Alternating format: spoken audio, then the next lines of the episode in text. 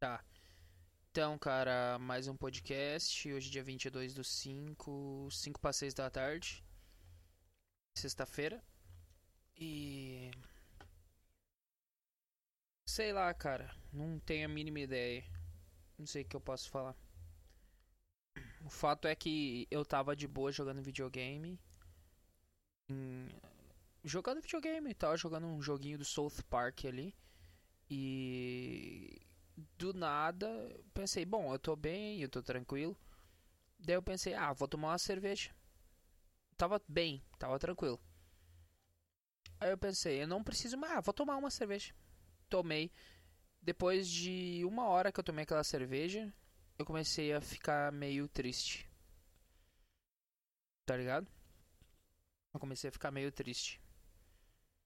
Ou pode ser depois de ter batido uma bela de uma punheta também. Tem isso, pode ser isso aí também, aquela depressão pós-punheta, você também tem isso. Sabe?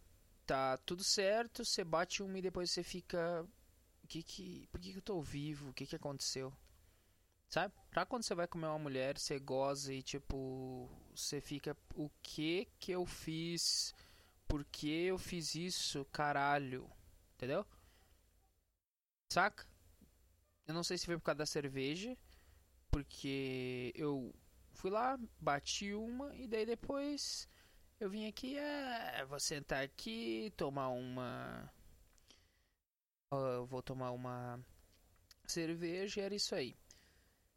E daí eu comecei a, sei lá, comecei a ficar sem vontade. Eu tava jogando bem feliz, curtindo, me divertindo. Aí minha cabeça do nada, ela, ah, beleza, então tu tá quieto, tá de boa. Só que não vai te fuder, tu não vai ficar feliz, tu vai ficar de saco cheio de, da, da tua vida, de viver e nada vai servir para você o resto do dia agora, seu merda. E é isso que aconteceu. Eu tava feliz jogando meu joguinho, tava. Sabe? E daí do nada eu, como eu fiquei de saco cheio do jogo, do nada, literalmente assim, ó, de um segundo pro outro. Não, ai, aos pouquinhos. Não, não, de um segundo pro outro fiquei de saco cheio do jogo aquele sentimento de eu não aguento mais, de saco cheio. Daí fui pra cozinha, começava a olhar para tudo e começava a vir aquela raiva de dentro que eu não sei de onde é que vem, o porquê que ela vem. E, e esse negócio de estar tá de saco cheio de tudo. E é um momento onde eu não vejo saída para nada. Onde tudo tá errado. Tá tudo errado e eu não vejo saída para nada. Entendeu? Eu, eu não sei se deu para entender, mas é mais ou menos isso que eu tô que eu tava sentindo, cara. E tô ainda, na verdade, porque daí agora o que, que eu fiz? Eu comi ali, tomei mais uma cerveja e pensei, bom, quem sabe se eu gravar um podcast eu vou me sentir melhor. Sabe quando você tá bem? Você simplesmente tá bem, você tá em paz. E daí aconteceu isso aí e eu do nada perdi minha paz, comecei a ficar com raiva de tudo e perdi minha paz, simplesmente perdi minha paz. Agora que eu sentei aqui e fazem exatos 5 minutos, deixa eu ver. 3 minutos que eu tô falando já tô me sentindo um pouco melhor. Mas é um saco, eu já, já tava uma hora assim. Tava uma hora assim e sabe que quando tu tá sem vontade de nada, você olha para tudo e nada faz sentido, você fica de saco cheio de tudo, você fica com uma raiva, talvez porque você ficou de saco cheio do nada, você fica puto por alguma coisa que você não sabe.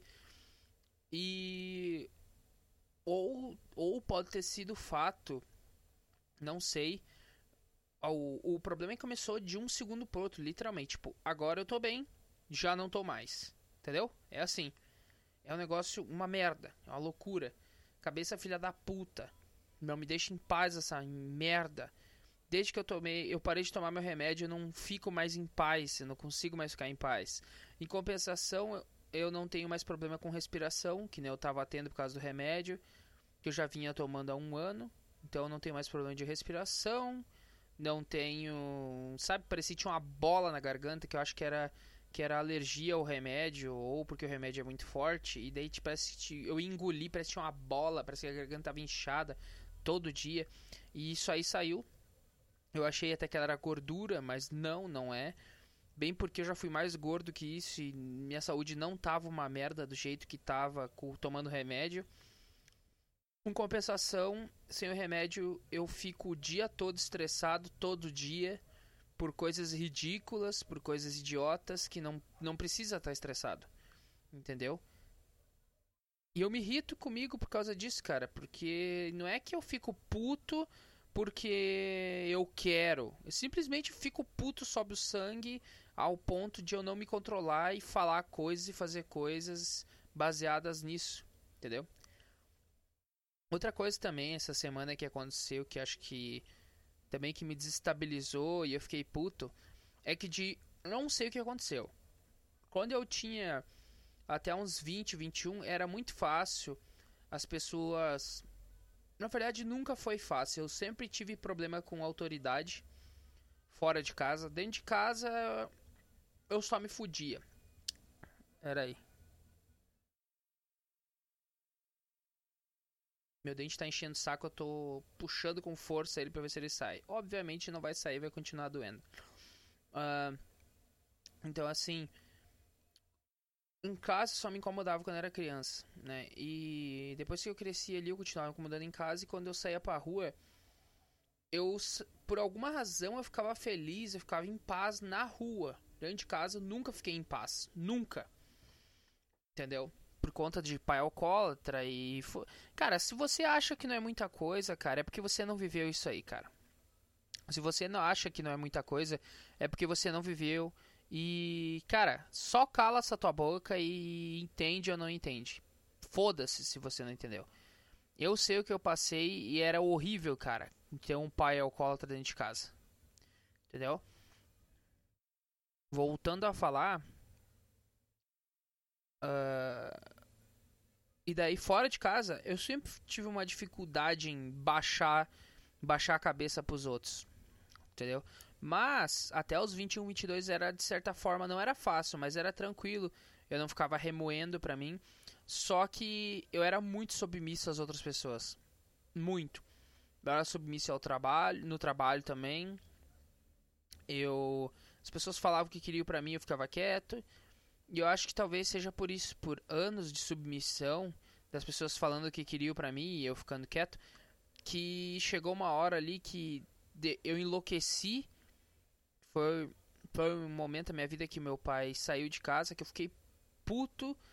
E daí eu falei pra mim mesmo, eu não vou mais escutar ninguém, eu não vou mais escutar encheção de saco dos outros. E se uma pessoa quiser falar alguma coisa, querer me derrubar, eu, com certeza eu vou ficar eu vou brigar com essa pessoa, seja no soco ou seja verbalmente, porque eu não, não vou mais aceitar isso aí. De ninguém. Independente de quem seja. Fora a minha mãe, que a minha mãe estou acostumado, mas fora ela, independente de quem seja, eu não vou aceitar essa porra aí. Deu de aceitar as coisas e foda-se. Como eu sempre fiz. Foi então que depois que eu decidi isso aí, a minha chefe do trabalho há um tempão lá veio me encher o saco na época que eu trabalhava numa empresa aí, quatro anos, eu mandei ela pra puta que pariu, literalmente. Ela falando comigo como se eu fosse um retardado, eu xinguei, falei pra ela, ó, oh, cara, cala a boca, velho. Eu trabalho há quase quatro anos aqui, tu acha que eu não sei a diferença de uma máquina para outra? Vá a merda! E desliguei o telefone na cara dela. Aí depois ela veio e me demitiu. E eu me arrependo até hoje de não ter olhado pra cara dela e falado vai se fuder. E nem ter assinado nada. Eu não vou assinar porra nenhuma agora. Era umas duas da tarde, mais ou menos. Diz, ah, vou assinar porra nenhuma, quero que você se foda. Vai a merda. Vou assinar outra hora que eu tiver cabeça. E vira as costas e foda-se, entendeu? Me arrependo até hoje. E depois dali, cara, só ladeira abaixo, cara. Só ladeira abaixo, só perdi a paciência, nunca mais tive paciência com nada, nem com ninguém. Porque, sinceramente falando, cara, eu acho que se a pessoa não te ajuda, não não não te ajuda de maneira nenhuma, acho que foda-se, não tem que ter paciência com ela. Entendeu? Ninguém. Agora, se é uma coisa essencial, você infelizmente tem que fazer. Nesse mundo de bosta que a gente vive, onde você não gosta de uma coisa, você simplesmente tem que pegar e olhar pra cara da pessoa e dar uma risadinha falsa, cara. Eu não consigo nem nunca vou conseguir fazer isso aí. Porque Porque assim, ó, eu tenho 27, eu vou fazer 27 dia 30 de setembro. Cara, se eu não mudei agora, meu, não sei. Esse jeito básico, esse modus operandi estressado uh, e não aguentar a falsidade, cara, entendeu? Não consigo a pessoa me tirar pra louca, eu olhar pra cara dela e dar uma risadinha ou fazer que não escuto que nem eu fazia há muito tempo atrás. Não dá, cara, não dá. E eu vou me fuder muito por causa disso aí, entendeu? Principalmente essa questão do trabalho, que você tem que ser falso pra caralho, entendeu? Com todo mundo você tem que ser falso, com seus colegas e com o resto, entendeu? Porque senão todo dia você vai arrumar discussão e você vai acabar indo pra rua. É o que eu falo. Mais vale um funcionário meia boca que faz cagada, porém baixa a cabeça para tudo e nunca diz não pro chefe, do que um cara que faz os negócios direito, porém questiona quando tem que questionar. Entendeu? Por que, que eu entrei nesse assunto? Porque essa semana eu fui lá pro meu trabalho fazer a merda de uma reunião. O cara fez a reunião às 9 da manhã, cara. Foda-se se eu tô reclamando. Quero que se foda, cara. Tô reclamando mesmo, não tô nem aí. Fez a reunião 9 da manhã. Aí tava em folga. Aí o que aconteceu? Agora por causa dessa maldita pandemia, não me entenda mal, eu gostei da pandemia porque diminuiu gente na rua, eu odeio gente, então coisa melhor tu sair na rua, só ter você e no máximo mais cinco pessoas andando. Então, que bom que teve a pandemia, que coisa boa, que, que, que fantástico, sabe? Coisa que eu mais odeio é cidade populosa. Pena que eu não tenho como mudar daqui, senão me mudava pro meio do mato. Mas, whatever. Então, cara, fui pra lá, perdi minha folga. E agora os ônibus é de uma em uma hora, essa mundícia. E daí o que aconteceu? Aconteceu, fui lá pra me falarem que. Cara, eu nunca tinha ouvido essa palavra. Sério, ponderar. Nunca ouvi essa palavra. O que, que significa ponderar? Pera aí. Pera aí. Ponderar. O que, que é isso aí? Vamos ver. Ponderar, transitivo direto. Matemática atribuir pesos e diversas grandezas para calcular a média ponderada. Transitivo direto e bitrans, bitransitivo. Bitrans, transitivo. Examinar com atenção e minúcia, avaliar, apreciar. Semelhantes, alegar, esquadrinhar, refletir, argumentar, arrazoar. Tá, então por que, que o arrombado não usou você argumenta demais ao invés de. Ai, você pondera demais! Cala a boca! Fala logo, argumenta demais, caralho! Fala logo, porra! Eu odeio a língua portuguesa do fundo do meu coração. Apesar de ter facilidade na época da escola, mas eu odeio a língua portuguesa. Enfim, daí o cara falou uma palavra que eu nunca entendi. Aí eu, tá, não entendi o que tu falou. Aí o cara, ah, tá, tu argumenta demais.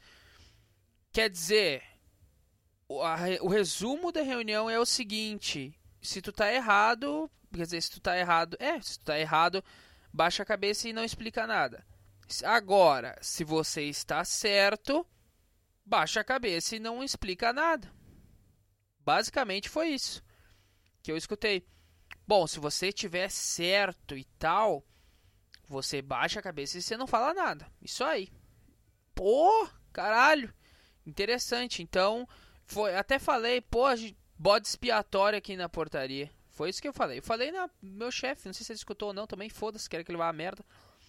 Mas de certa forma ele não vai a merda porque ele foi gente boa. Ele foi gente boa. Acho que foi um dos poucos chefes que eu tive que sabe falar, cara. Sério, ele não chegou assim, ah, porque é isso e aquilo e não sei o que, muda isso aí. Bem porque eu acho que vai falir essa bosta dessa empresa que eu tô. Não a empresa que a gente presta serviço. A empresa de segurança vai falir porque deu umas merda gigantesca e a credibilidade da empresa ficou abalada, né? Então agora a próxima cagada que der, independente se for no meu posto de trabalho ou se for nos outros postos de trabalho espalhados aí pelo Rio Grande do Sul, já era a empresa de segurança. Acabou. E aí todo mundo vai pra rua, entendeu? Uh, enfim, caras, é, tipo, sabe, isso eu fiquei puto, puto. E o pior é os teus colegas querendo pagar de melhorzão que você. Ai, porque você tá errado em fazer isso. Cala a boca, cara. Cuida da tua vida, caralho. Que merda. Tipo, ai, a gente quer te ajudar. Meu amigo, eu não te conhecia até três meses atrás. Não te conhecia até um ano atrás. Cara, se você quer me ajudar, cara, o dia que eu for pra rua, não é você que vai pagar minhas contas. Não é você que vai pagar que vai pagar minhas despesas, é eu que vou ter que pagar. Então cala a boca, caralho. Não te pedi ajuda nenhuma. Não te pedi, isso aí não é ajuda, é só pros caras querer se pagar de mais superior do que você, tá ligado? Olha, porque eu sou melhorzão. Daí eu concordei, pedi uma desculpa meia boca ali, só pra concordar. Mas não, cara, se acontecer alguma coisa, quem vai ter que se virar é quem? Sou eu, cara. Não é os outros. Se eu for pra rua, o que vai acontecer comigo é que eu vou ter que me virar. Eu vou ter que achar outro emprego. O cara não vai por mim. Então acho que assim, se o cara não vai fazer nada pelo cara, então cala a boca e não opina, caralho. Cuida do teu trabalho que eu cuido do meu, filha da puta. Que saco, cara. Isso irrita, mano. Eu já, eu já tava. Eu já tava puto. Já tava puto porque os cara eu tava puto porque os caras tava já tinha tomado mijada, tava enchendo o saco. E daí os caras vêm e ficam ali, sabe? Ah, meu. Ah, não. Sabe, cara? Que saco, meu. É irritante isso. Cala a boca. Cuida do teu, cara. Cuida do teu, porra. Que saco. Não dá opinião, cara. Não dá opinião. Não dá opinião, cara. Não te pedi opinião nenhuma, tá ligado? Isso aí, e outra, não é para ajudar essa porra, é só pra querer se pagar de superior, de superior em relação ao cara. Ah, porque tu não devia ter feito isso. Cara, cala a boca, cara. Para de querer se pagar de superior, de superiorzão. Cala a boca, baixa a bola, caralho. Cuida da tua vida. Entendeu? Isso que eu me irritei. Eu me fiquei mais puto ainda, meu. Tanto que ontem, ontem eu fui trabalhar, eu não conseguia sentar eu não conseguia. Cara, eu tava. Tava num, num, eu tava numa crise de ansiedade gigantesca naquela, na, naquele serviço. Aí de tarde eu me obriguei, ah, não, peraí. E olha que tava parado ontem, tava bem, bem calmo, cara. Se tivesse corrido, tava fudido. Cara, eu te, me obriguei final de, de tarde ali, que deu umas duas horas, me obriguei a tomar o Rivotril, cara. Me obriguei. Eu levo junto para eventuais crises. Me obriguei a tomar o Rivotril. Pra me ficar mais de boa. Porque eu não tava aguentando mais, cara sabe? E aí eu não sei se aquilo ali teve teve teve teve teve a ver com o que está acontecendo agora. Provavelmente teve. Eu sei que agora do nada, foi o que eu falei, sabe que é tu olhar pros lados assim, tipo, ah, cara, o que eu tô fazendo, sabe? O que tá acontecendo? E sabe o que, que é pior ainda? Tipo, eu sei que se eu comer direitinho, se eu fizer o meu treino, eu vou me sentir bem depois. Mas ir fazer é um parto para mim fazer uma coisa. Entendeu? Ao invés de eu largar esse, esse, esse microfone ali treinar, tu acha que eu vou ir treinar, fazer esse treino em casa que eu vou fazer hoje? Cara, é sempre assim, eu treino por uma semana e depois eu paro, fico três semanas e depois eu volto uma semana. Eu treinei, cara, eu treinei por, um, por milagres duas semanas seguidas agora. E hoje, por exemplo, essa semana eu não treinei ainda. Era para me treinar. E eu ficar, ah, não, porque hoje eu vou. Não vou, eu sei que não vou, cara. Eu sei que não vai. Eu não sei porquê, mas não vai, esquece. Entendeu? Ir treinar, pegar, largar esse microfone, ir ali, fazer umas flexão, entendeu? E ir até o fim, cara, é um desafio, cara. Antes não era um desafio, antes era tranquilo, porra. Eu gostava. Agora eu pegar um tempinho de uma hora todo dia e fazer um exercício físico, nem que seja em casa ali, é um desafio do caralho. É um desafio do caralho. Não deveria ser. Sabe, cara? E eu tô em casa sozinho hoje, minha mãe não tá em casa, ainda bem. Uh, mas, cara. Por que, que isso acontece, hein? E eu sei que depois que passar e chegar amanhã, eu vou, eu vou olhar, eu vou sentir aquela tristeza dentro de mim. Por que, que eu não treinei ontem? Por que, que eu não comi direitinho ontem? Sabe aquele arrependimento? Sabe aquelas pessoas que comem? É um exemplo. Aquela pessoa que ela tá em dieta, ela come e ela se arrepende, ela mete o dedo na goela e vomita. É esse sentimento. Entendeu? É esse sentimento. Eu, eu, eu, se eu, eu sei que se eu fizer todo dia a mesma coisa, todo dia treinar, todo dia comer direitinho, eu vou conseguir. Eu vou me sentir bem. E só que chega na hora H de fazer, eu vou lá, não faço por alguma razão, eu fico enrolando, eu não consigo ir, ser direto ao ponto e ir fazer, depois eu, fico mal. Aí hoje, provavelmente, eu não vou treinar. Eu poderia ter treinado, eu levantei 10 da manhã, pega, almoça e depois vai treinar, cara. Treina em casa. Não. Amanhã eu vou levantar, vou me sentir mal, vou caminhar, vou caminhar 10 degraus de escada, vou estar tá morrendo. E vou ficar assim, eu devia ter treinado ontem, mas não adianta. Não vou, eu não faço. Entendeu? E até mais calmo eu me sinto quando eu como direito e faço exercício. Mas eu não consigo manter, cara. Eu, te, eu faço isso uma semana seguida e deu, pronto, acabou. Fico três semanas, um mês sem fazer, depois eu faço mais uma semana. Entendeu? É um saco isso aí, cara. E agora, sabe o que é pior? Agora tá passando efeito da cerveja. Eu tô começando a cair, a cair, a cair na real aqui, que eu tô aqui vivo ainda. E, e isso tá me deixando pior. Porque agora vem uma crise de, uma crise de, de, de existência, cara. Entendeu? O meu cérebro, meu cérebro parece que ele foi programado para chegar à conclusão de que não existe saída na vida. Ou tu vive ela, vive vive esse lixo, o lixo da vida que não, não tem, só tem decepção, só tem tristeza, só tem negócio ruim. E eu não tô falando tipo de coisas que acontecem, eu tô falando que a minha cabeça faz isso sem ter acontecido nada. Então, para que eu vou viver a minha vida inteira? Eu tenho 27 anos, para que eu vou viver até os 50, 60 acontecendo isso diariamente, todo dia estressado, todo dia irritado? Uh, e para que eu vou viver isso, cara? É mais fácil desistir. Entendeu? É muito mais fácil desistir, cara. Não é questão de mais fácil. É como se eu já tivesse vivido 60 anos e eu preciso de paz, entendeu? Eu só preciso de paz. E a única paz é no suicídio. Porque tu não vive mais. Tu não está vivo de novo. Mais. Deixa eu tomar uma água. Eu tô me irritando com esse meu dente, cara. Pera aí. Pera aí.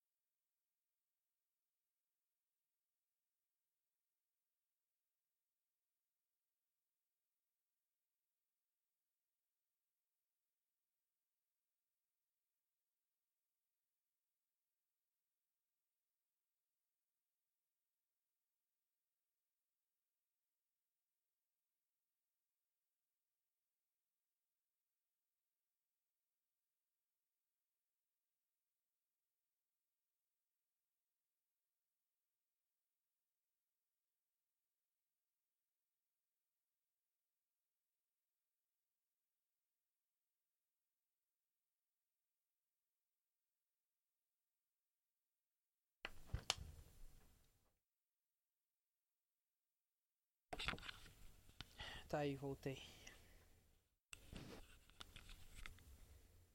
Tem um, uma bola no meu dente que eu tenho vontade de estourar ela, mas eu tenho medo dela doer pra caralho. Não sei o que que é. Cara, esse negócio tá vindo tão forte que eu tô ficando de saco cheio de gravar isso aqui agora, nesse exato momento. Tô ficando de saco cheio, cara. De tão. De tão. tão de tão ruim que tá esse negócio. Eu vim aqui gravar, caminhei até a cozinha para pegar água, voltei e eu já tô de saco cheio de gravar isso aqui.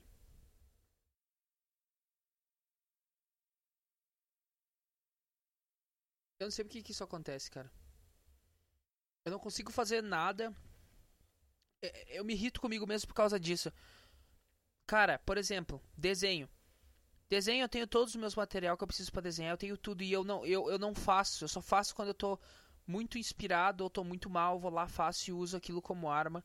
Mas não faço, eu simplesmente não faço, eu simplesmente desisto, eu fico com esse sentimento de saco cheio, de, de não aguentar mais, eu desisto, paro de fazer tudo e fico o resto da vida nesse ciclo de eu não faço nada, não, não melhoro em nada, não pioro em nada, continuo naquela mesmice de merda sempre e depois eu me sinto mal por causa disso, depois eu volto a não fazer nada e depois eu volto a me sentir mal porque eu não fiz nada e eu continuo nesse ciclo dessa minha vida medíocre, lixosa, desde, desde que eu me conheço por gente.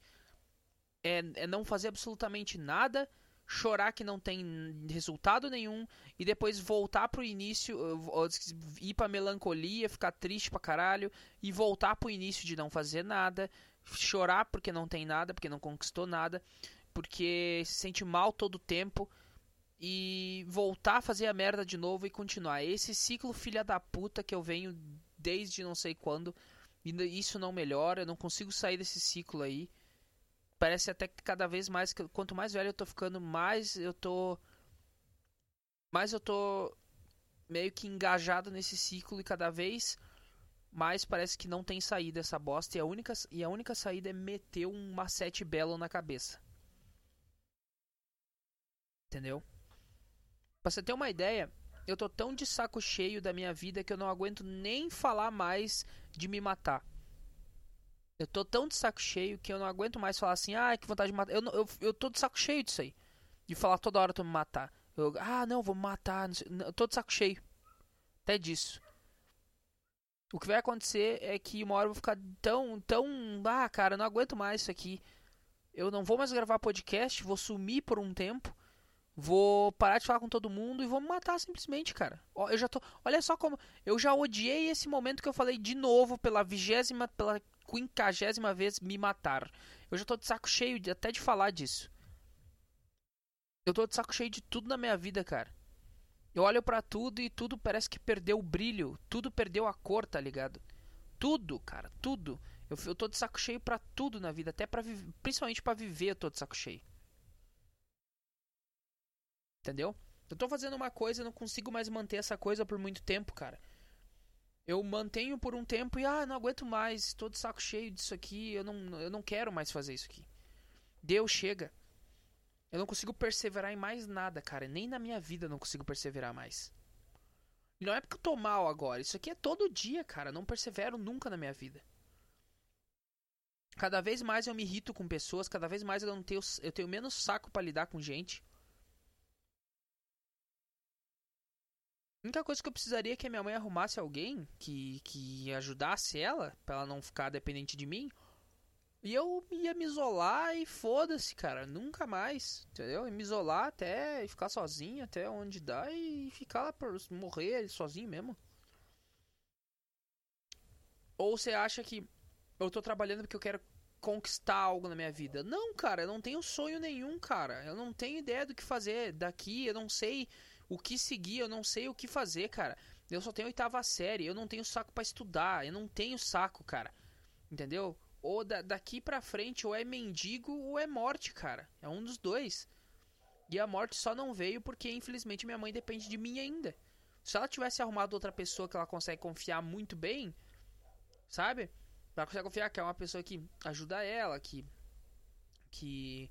que ajuda ela em tudo que ela precisar, tá ligado? Cara, eu já teria dado. Eu já teria dado um jeito de ficar sozinho aqui, de me isolar eu, eu tenho essa vontade, cara, sempre de me isolar de tudo, cara. E nunca mais aparecer, sabe? Eu não sei, cara. Simplesmente sumir, cara. Eu tenho essa vontade. Eu não sei o que, que é isso, cara.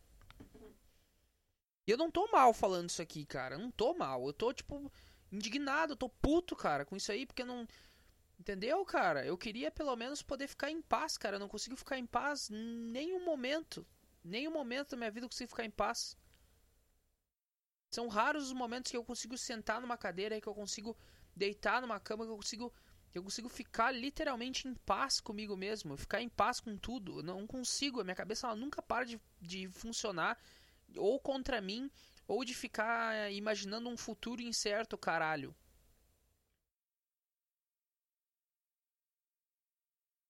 Deixa eu tomar uma água.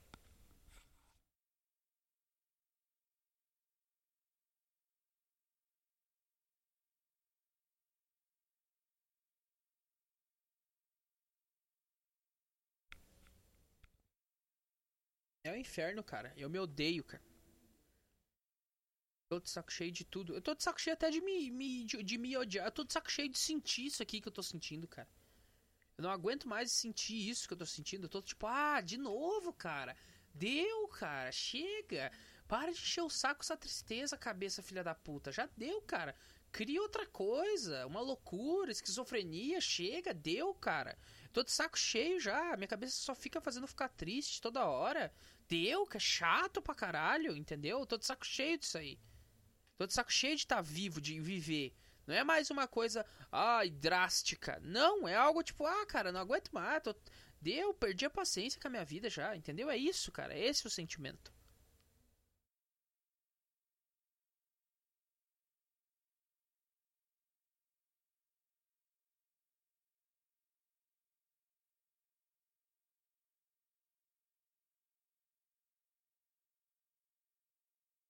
Cara, eu não sei o que falar mais, cara. Eu não sei. Tá difícil para gravar até aqui os 31 minutos já tá, já tá difícil, cara. Pra sair alguma coisa que não seja o clássico eu tô mal, o clássico eu tô triste, o, clá... o de sempre. Entendeu?